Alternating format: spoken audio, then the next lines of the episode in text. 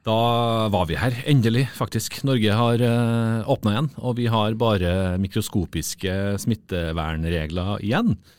Og vi er over i en uh, normal hverdag med økt beredskap, som uh, myndighetene sier. Selvsagt så må vi markere det med å invitere et par samfunnssikkerhetsforskere i studio. Har dere sett fram til denne dagen, Stian Antonsen og Petter Almklov? Klart vi har det. Og 561 eh, dager er ikke det som er tellinga her, da. Nå er vi jo skikkelig blodferske i begivenhetene her òg, så uh, ja, gleder oss, vi. Mm. Petter, uh, har du sett fram til denne dagen?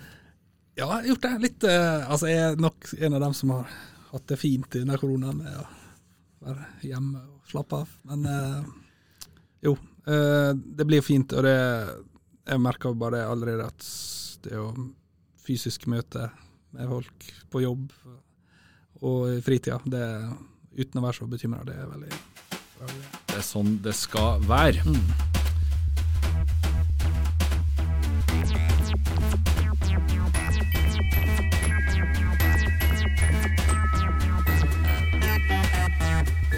Fra lørdag 25.9. Eh, klokka 16 er altså meteren uh, historie. I hvert fall uh, for denne gangen. Meteren finnes da? Meteren finnes, men uh, i regler så er den borte, får vi håpe. Uh, vi slipper å bestille bord når vi skal ut på puben. Vi kan stå tett i tett på konsert igjen. Og ved første anledning så regner jeg med at eh, Lerkendal er fylt til randen også, og straks er det uka i eh, Trondheim. Vi kunne strengt... Var, var det noen one night stand i den her? Det er også lov igjen, Petter. eh, vi kunne rett og slett sittet i fanget for hverandre her i studio nå. Eh, til det beste for både oss sjøl og lyttere, kanskje, så sitter vi med en liten meter fra hverandre fortsatt. Det er kanskje best. Og det å høre på podkast, det blir jo omtrent som før, skulle vi tro. Det gjelder eh, også Forskerpodden, som er NTNU Samfunnsforsknings egen eh, podkast. Vi tar opp eh, podkasten vår i studio på Dragvoll i Trondheim. Programleder er undertegnede Vegard Y. Smevold, som eh, jeg nå heter, etter et uh, aldri så lite giftermål helt på tampen av den norske uh, pandemien.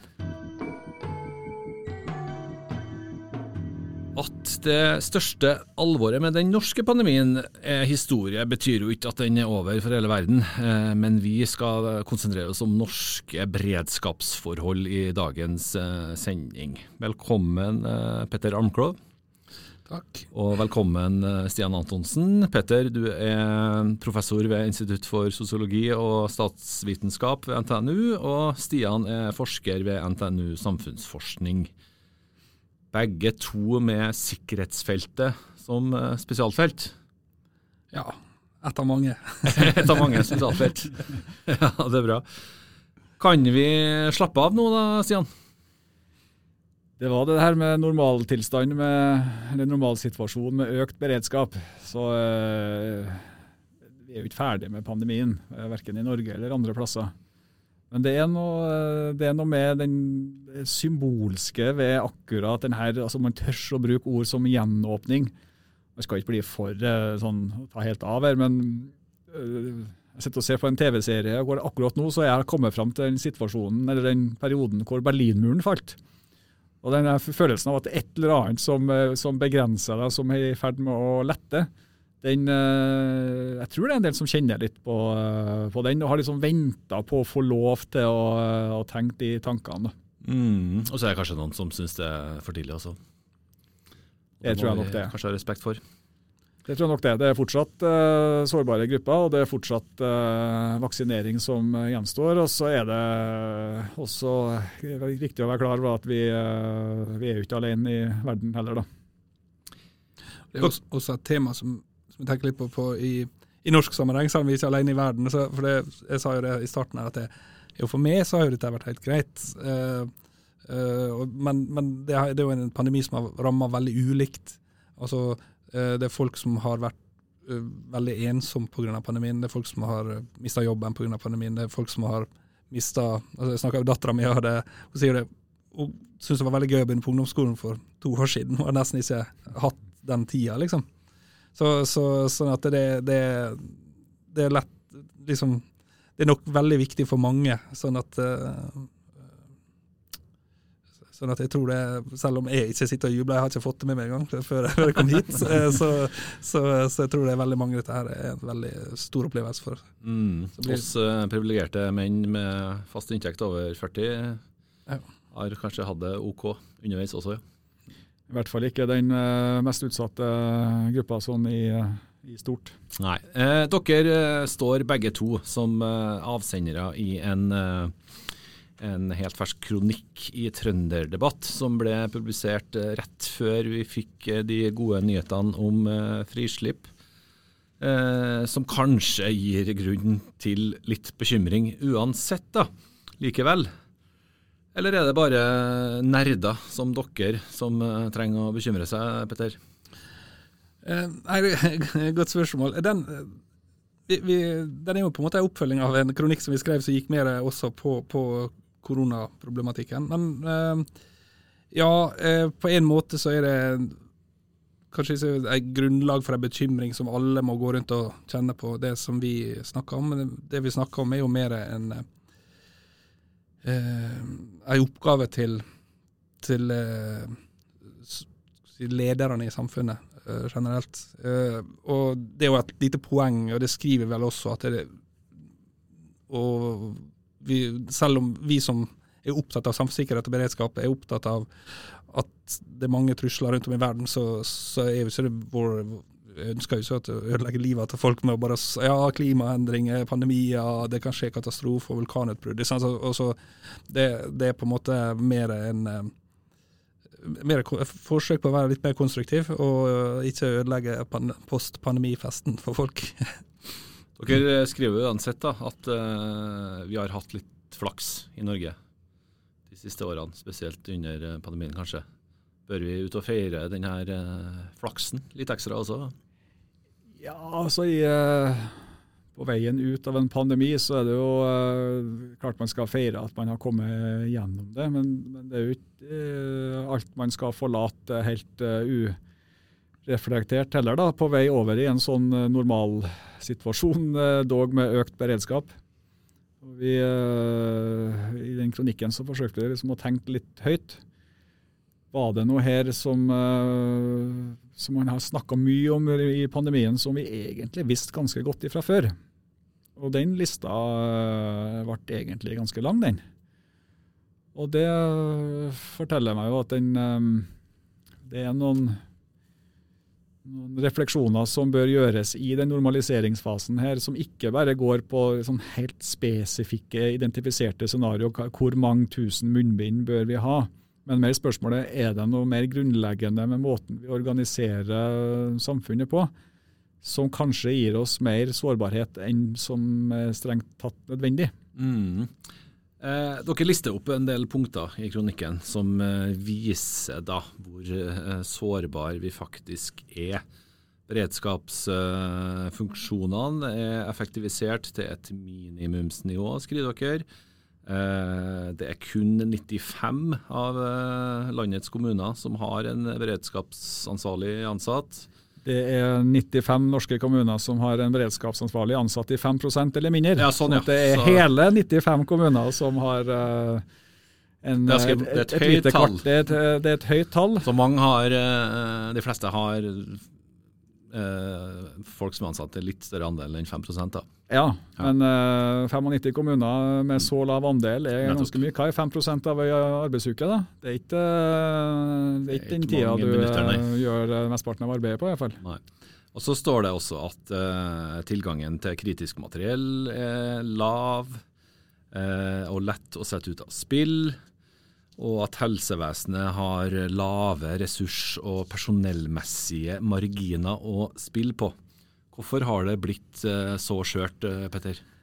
Nei, jeg, jeg, kan ta, skal gjøre sånn som politikerne. Så er det reframe spørsmålet til noe mer komfortabelt. Men det, det, det, som, hvis du tenker sånn Når vi så på eh, pandemien, da. For det første så var det én ting som altså, pandemi var faktisk identifisert som den største risikoen av, i, for norsk eh, samfunnssikkerhet før pandemien skjedde. Jeg sto og foreleste om det i desember 2019, studenter, og så viste jeg frem denne greia. Og, det, og det, grunnen til jeg viste det frem da, var fordi det var en kuriositet. Fordi ingen tenkte på det. Altså fordi det, det var rart, liksom.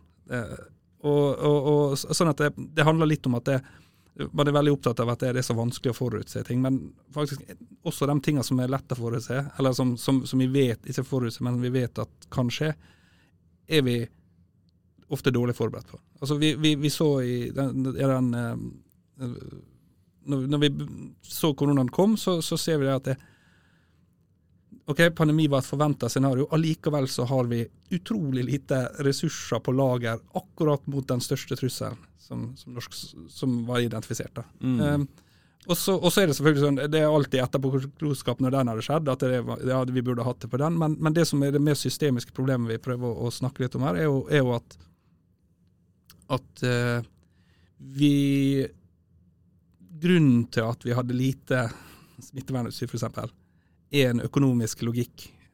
Um, og den gjelder ikke bare på helsefeltet, den gjelder på veldig mange områder.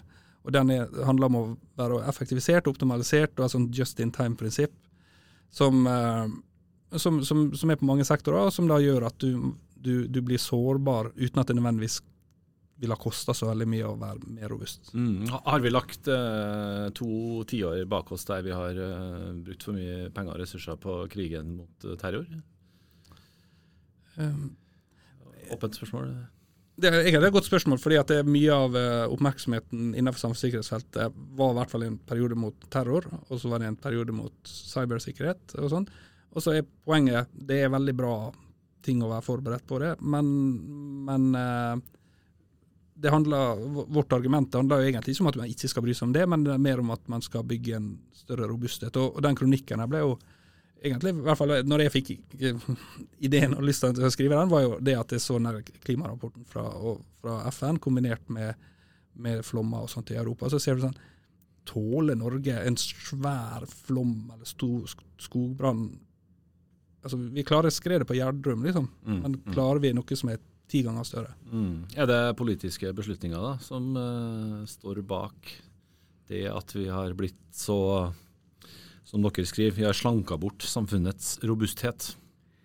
Det er det jo for så vidt, men uh, da er det i så fall tverrpolitisk enighet om det. For det her har jo gått over veldig veldig lang tid, sånn at, uh, med vekslende regjeringer. sånn at uh, Det er ikke et sånn politisk spørsmål høyre eller venstre eller hvilken blokk det er snakk om.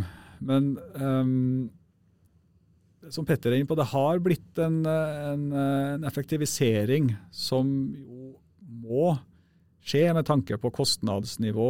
og Alle har jo alle sett tallene om eh, si eldrebølgen og, og liksom hvor, hvor, stort det gapet blir mellom, eh, mellom eh, som tar ut offentlige tjenester og dem som fortsatt er i arbeid. Så, så det her er jo ikke at vi bare eh, sender mer penger og bruker mer penger på beredskap. Det argumentet er mer retta mot en sånn organisasjonslogikk der, da. Hvor det med ekstra kapasitet Eh, ikke nødvendigvis punkt én, at man ikke ser det som bortkasta ressurser, ekstra kapasitet. Det skal vi jo ikke ha. Vi skal jo ha det akkurat det vi trenger, og ikke noe mer. Men det ligger jo en, en tanke om en form for bufferkapasitet der. Og Jeg tror det er en, det er en misforståelse der med at eh, det å ha beredskap handler om å ha en eller annen ressurs eller et eller annet som du trykker inn på et lager, som aldri skal være i bruk. Som, som er, det, det, bare ligger der helt til du må kaste det fordi det går ut på dato.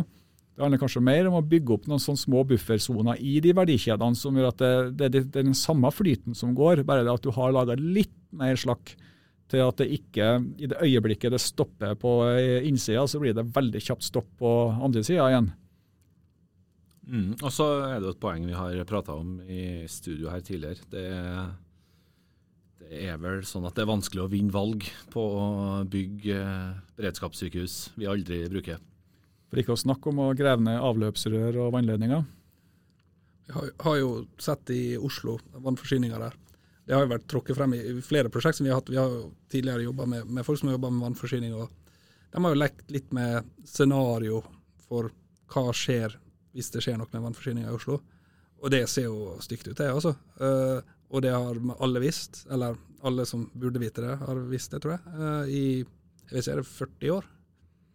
Eh, og nå tar noen investeringer, og, og, og, så blir det Ja, det er så dyrt og overskridelse. Altså, og, og, og miste jobben. Ja, ja, ikke sant. Men, men det, altså, si, den saken der er jo på en måte det var andre grunner til at hun mista jobben enn at det var dyrt, men, men, det sier litt om at den politiske risikoen ved å bygge vannforsyning eh, eh, er, jo, er, jo, alltid til stede. da.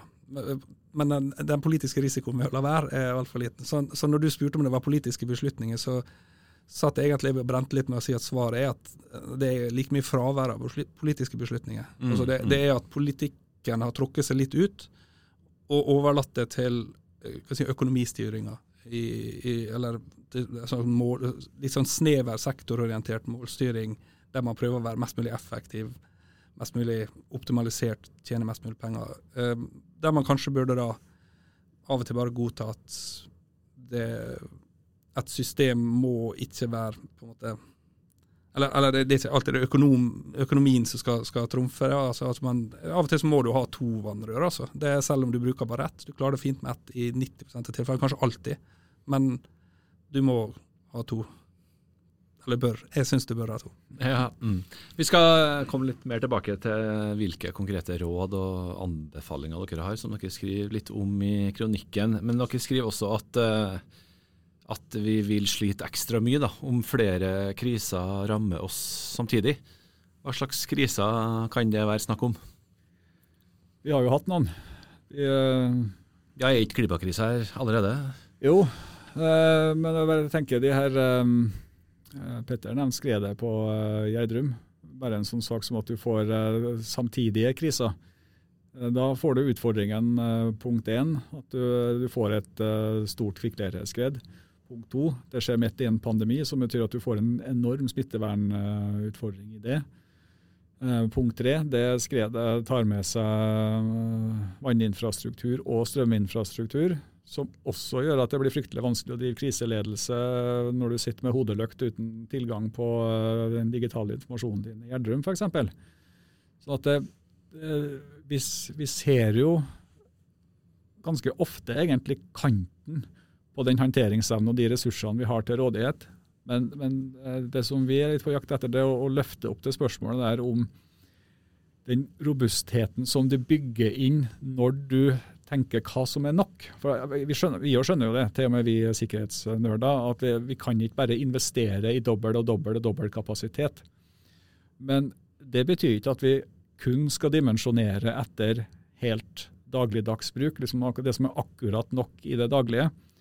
For det, det, er noe med hvor, hvor, mye som skal til før en krise setter oss ut av uh, spill, i større eller mindre grad. Og så sitter vi vel kanskje med mistanke om at den marginen der blir gradvis uh, spist opp. Mm. Eh, dere skriver jo at vi Staten skal ikke bli helt uh, Doomsday Preppers heller, men nesten? Eller? Vi ønsker i hvert fall å få en uh, liten dreining på det. Vi har jo hatt en egen beredskapskampanje som er retta mot eh, Eller DSB har hatt en egen beredskapskampanje retta mot innbyggerne. Og Vi tror kanskje det er på eh, tide å stille det spørsmålet litt tilbake til, til statlige myndigheter. Hvis eh, vi som husholdninger trenger hva er det da, tre liter vann per dag per person, og litt hermetikk og litt dopapir og sånt, for at vi skal klare oss, uh, ikke gå for fort uh, helt ned, så uh, er det et betimelig spørsmål å vende tilbake til, til de organiserende myndigheter, om ikke en tilsvarende logikk skal gjøres gjeldende der. Og så har dere et uh, helt uh, konkret uh, forslag da, i kronikken deres. Jeg ser dere brenner inn litt med det nå, Petter. En ja, nei, robusthetskommisjon, ja, intet mindre. Det var faktisk Stian sin, sin idé, det, det, men, så du skal sikkert fortelle om den. Stian, men det, det, det, er litt av det som er poenget. at Du sitter jo her og spør oss om ok, hva er de største hva, truslene, og, og, og, hva er det vi må forberede oss på, og sånt. Og så spør du oss hva, hva vi kan gjøre. For det første så, så det, ene poenget er jo eh, det at jeg og Stian sitter og synser mer eller mindre kvalifisert om hva vi tror er de største truslene, det er, det, det er ikke godt nok. ikke? Og det andre er hva vi kan gjøre er, er veldig komplisert her. Eller det, det, krever, det er politisk. da. Det, det, er politiske valg som man må gjøre. Og, og jeg tror at uh, det er veldig sånn, så, sånn som Stian har vært inne på, at det, vi kan ikke bare hamstre alt. altså Norge kan ikke liksom bestemme seg vi skal produsere alle medisiner sjøl og være egen, egen uh, selvforsynt med mat og sånne ting. Mm. Vi er ikke på en måte der, men, men Som er så mange tok til orde for i kommentarfelt uh, på det verste i fjor ja. vår. Ja. ja, ikke sant. Men, men, men, altså, vi kan Men, vi kan uh, gjøre det til Å løfte det opp til et synlig valg vi gjør hvor legger vi nivået, og hva er planen vår? Hva, hva er, eh, innenfor forretningslivet så eh, har de altså sånn business continuity-analyse. altså Hvordan skal vår business kunne fortsette gitt det og det scenarioet, eller gitt eh, hva, hva, hva, mekanismer har vi på plass? Og, og da tenker jeg at det, F.eks. innenfor medisinsk utstyr, da, så, så, så, ser det ut, i hvert fall fra, fra mitt perspektiv, ut som at vi har slanka så mye at vi driver egentlig helt på grensa allerede i normal drift, fordi at det er mest økonomisk lønnsomt. Det, det er nesten sånn at du, man er avhengig av vikarer for å opprettholde normal drift. Og da har du veldig lite å gå på. Så kan man da heller si velge å et, gjøre et valg som sier at OK, vi, vi kan ikke tåle absolutt alt, men vi kan i hvert fall bygge opp en vektlegge i større grad hvor det nivået skal være. Og det, det som vi da kommer til det konkrete forslaget. Det, ved å, å, da identifisere en sånn kommisjon, så kan man i hvert fall få løfta det opp og gjort det til synlige prioriteringer, og ikke noe som, som, som bare skjer fordi man har lukka øynene og håper at det går bra. Sånn som man har gjort eh, med vannforsyninga i Oslo i, mm. i mange år. Er Norge et unikt land i havet her, eller kan den vestlige verden sammenlignes? Er det likedan rundt omkring? Det er nok det. Um, vi ser jo, eh, hvis vi tar uh, legemidler og medisin, altså de forsyningskjedene der, så er det jo uh, Hele verden henger i stor grad på de samme uh, forsyningslinjene. du ser det jo også f.eks. det å få tak i munnbind, noe så utgangspunktet enkelt som det. Når det stormer som verst der, det, det, blir jo et enormt sug i markedet globalt, sånn at alle er i uh, samme båt. Så er det noen som er litt sånn uh, kjerring mot strømmen. Er, uh, har, Finland har vært uh, litt motsatt enn Norge, i hvert fall da, med tanke på der Norge har bygd Heimevernet ned, så har Finland bygd Heimevernet opp. Og der beredskapslager i Norge har blitt vurdert å vært for dyrt så har finnene tenkt som så at det er verdt det. Sånn at, eh, og det er ikke fordi at uh, gatene i Finland renner mer over av melk og honning enn det gjør i Norge. men Det er en vurdering av knappe ressurser, hvor kriteriene for hva som er verdt det, uh, er gjenstand for kanskje en litt annen diskusjon. De er jo litt mer bekymra for sin nabo i øst og har et, sånn sett et litt annet forhold til beredskap. Men åkke som, så betyr det at det er mulig. Naboen vår også. Ja. Vi må inn på denne her robusthetskommisjonen. Hvem er det som skal sitte der, tror dere? Ja, Vi melder oss jo frivillig, Petter, gjør ikke det? Nei, det, vi, har, vi, har ikke, uh, vi, har, ikke, skrevet noe mandat for robusthetskommisjonen på noe som helst vis. Det vi har beskrevet, er et utgangspunkt. For nå, uh, det kommer alltid kommisjoner. Du har eh, en 22. juli-kommisjon, og du har en koronakommisjon, og du har en kommisjon etter håndteringa av eh, tsunamien i Sørøst-Asia. Etter enhver hendelse så kommer det en, en eh, kommisjon som går inn i det konkrete scenarioet, den mm. konkrete hendelsen, og ser hva kunne vi gjort annerledes her. Dere vil løfte det her litt ut fra koronaen, da, skjønner jeg? Det vil vi gjøre. Og så eh, kan man, eh, hvis man skjeler litt til de stortingsmeldingene og NOU-ene som er laga om samfunnssikkerhet, så er det veldig vanlig å skrive om samfunnssikkerhetsfeltet og samfunnssikkerhetsområdet. og Her er utfordringene for oss. De har en tendens til å være litt orientert mot ett og ett risikoområde. at Vi trenger å bygge opp mer kompetanse på kryptografi, for IKT-sikkerhet. Og så trenger vi sikkert å se på, på um, uh, sikringa av fysisk infrastruktur for klima. Men det er, litt, det er ganske oppdelt, da. Og så er det en del ting som blir liggende i bakgrunnen. Og Det er det her grunnleggende eh, økonomiske vurderingene der en del viktige valg blir tatt som gjelder alle felt. Ikke bare samfunnssikkerhetsfeltet, men som gjelder de organiserende prinsippene av spesielt norsk offentlig sektor. Da. Og der tror vi det er både mulig og ønskelig å ta en slags timeout. Altså, er det noe her som vi kan gjøre annerledes uten at det gjør oss til, til fant?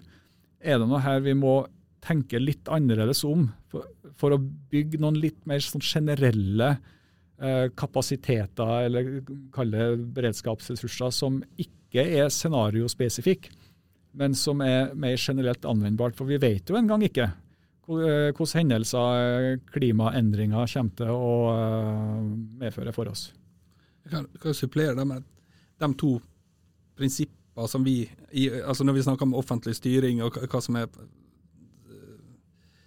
hovedproblemer som vi identifiserer der, da, så er det to. Men det kan være mange flere også. Men det, det, er to ting som vi har vært opptatt av, som vi har sett gjennom prosjekt etter prosjekt innenfor samfunnssikkerhet. Eh, uh, at, at, det ligger som en sånn grunnleggende problemstilling. Og Det ene er uh, sektor, uh, ko altså koordineringa mellom ulike sektorer. Og Riksrevisjonen har jo vært gang etter gang ute og skrevet granskinger. Det er for dårlig koordinert på samfunnssikkerhetsfeltet. For dårlig samarbeid mellom sektorer. Og det er I norsk, norsk, offentlig, norsk, offentlig, styring så er det på en måte veldig strenge grenser mellom altså helse på ene sida, justis osv. Forsvaret. Um, så, så, det er på en måte den, at det er inndelt i sånne siloer. Og det andre er det med, med, med veldig fokus på sånn målstyringstenkning, altså innenfor sånn New Public Management-lignende styringer. Og, og de to de er to ingredienser som, lag, som virker sammen for å gjøre det ganske vanskelig å prioritere ting som er som jeg kan si ineffektiv, i anførselstegn, og, og, og, spesielt da inn, ineffektivt, og gjerne hvis det ligger mellom sektorer. da. Altså fordi at det blir vanskelig å prioritere noe som ikke tilhører ett departement, og som i tillegg kanskje ikke produserer noen fine måltall eller synlige resultat uh, som, som, man kan klippe av snorene på og sånne ting. Så, um, så det er i hvert fall de underliggende prinsipper som, som vi ser som, som, som lager eh, en del utfordringer da, som er felles. Eh, og dem, dem, det er ikke sånn som Stian sier, det er ikke nødvendigvis samfunnssikkerhet. Det er ikke synlig som samfunnssikkerhet som, som tema. Det er mer, mer sånn generelt at det, det, det, gjør noe med Det tar vekk litt av den eh, robustheten som vi skulle ønske var mer av. Har dere eh, fått noen tilbakemeldinger på kronikken som eh, viser at det er noen som eh, plukker opp hansken? Ikke nødvendigvis noen som har plukka opp hansken uh, riktig ennå. Men uh, skal ikke man legge for mye i uh, sånne svar man får på sosiale medier. Men uh, jeg tror det her er noe Det er ikke noe nobelprismateriale i å påpeke det her. Det er noe som ganske mange vet. Det er også litt av problemet. At det, vi har blitt vant til at sånn er det. At vi, vi, flyr med noen kjente feil, og, og, det er bare sånn det er. Men det er et faktum, akkurat det som Petter er inne på. At vi driver på å finne noen av de samme grunnleggende utfordringene i hver eneste granskning og kommisjon vi gjør. Eh, gransking og kommisjon som gjennomføres, så er det eh, de ressursene som ikke fant hverandre eh, fra 22.07-granskinga. De ble beskrevet med litt andre aktører og litt andre ord, eh, men med samme innhold i Reinåsutvalgets granskning av håndteringa av tsunamien i Sørøst-Asia. Og Så kan du egentlig bare legge på eksempel etter eksempel som viser at det ligger noe bakom, eller under, eller hva man skal si, men som ikke handler om at ok, etter 22.07, eh, så da må vi omorganisere politiet, og så må vi skru litt på akkurat det ansvarsområdet mot det ansvarsområdet. Og Så skal vi helt sikkert eh, i eh, etterkant av eh, pandemien eh, diskutere forholdet mellom FHI og Helsedirektoratet.